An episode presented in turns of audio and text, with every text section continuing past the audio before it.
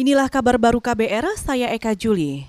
Saudara Presiden Joko Widodo meminta seluruh pemangku kepentingan di bidang ekonomi untuk sama-sama membagi beban pada masa pandemi. Menurut Jokowi, adanya kerjasama dalam risiko ekonomi bisa membuat roda perekonomian yang selama ini tersendat kembali berputar. Sekali lagi saya minta konsep berbagi beban, sharing the pain, harus menjadi acuan bersama antara pemerintah, BI, OJK, perbankan, dan pelaku usaha harus betul-betul bersedia memikul beban, bergotong royong, bersedia bersama-sama menanggung risiko secara proporsional dan dilaksanakan dengan prinsip kehati-hatian.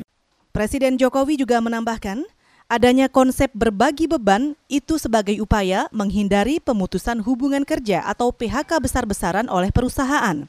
Jokowi juga meminta supaya skema bantuan pemulihan ekonomi nasional segera direalisasikan.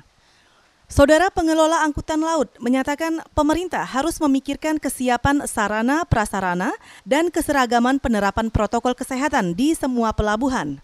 Wakil Presiden PT Pelni Andi Samsul Hadi mengingatkan belum semua pelabuhan punya sarana prasarana standar untuk menerapkan pedoman kesehatan pencegahan COVID-19.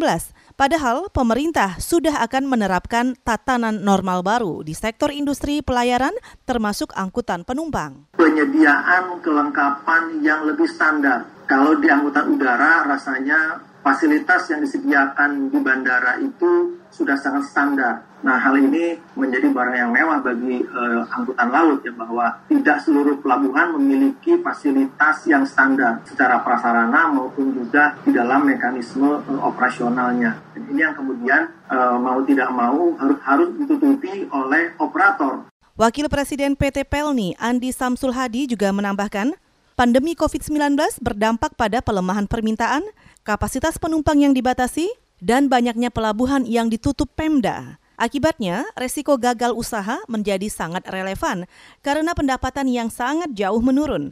Andi juga mengungkapkan, sejak April hingga Mei kemarin, tersisa 30 persen saja armada PT Pelni yang beroperasi. Kita ke mancanegara. Belum selesai virus corona, sekarang mewabah lagi virus Ebola. Badan PBB untuk anak-anak UNICEF melaporkan, sembilan orang dilaporkan meninggal akibat terinfeksi virus Ebola di Kongo. Selain itu, empat orang masih dirawat di unit isolasi di Rumah Sakit Wangata di kota Mbandaka. Sebelumnya, dua hari lalu, Dirjen Organisasi Kesehatan Dunia atau WHO Tedros Adhanom sudah mewaspadai wabah penyebaran virus Ebola di Kongo. Penularannya melalui cairan tubuh dan berpotensi mengakibatkan kematian. Republik Demokratik Kongo hingga kini memang masih berjuang mengakhiri wabah virus Ebola. Wabah terjadi sejak dua tahun lalu dan terutama berkembang di bagian timur Kongo. WHO memperkirakan jumlah kasus positif Ebola di Kongo mencapai lebih dari 3.400 kasus, sedangkan jumlah kematian 2.200-an orang. Para peneliti meyakini virus Ebola berasal dari kelelawar. Saudara, demikian kabar baru. Saya Eka Juli.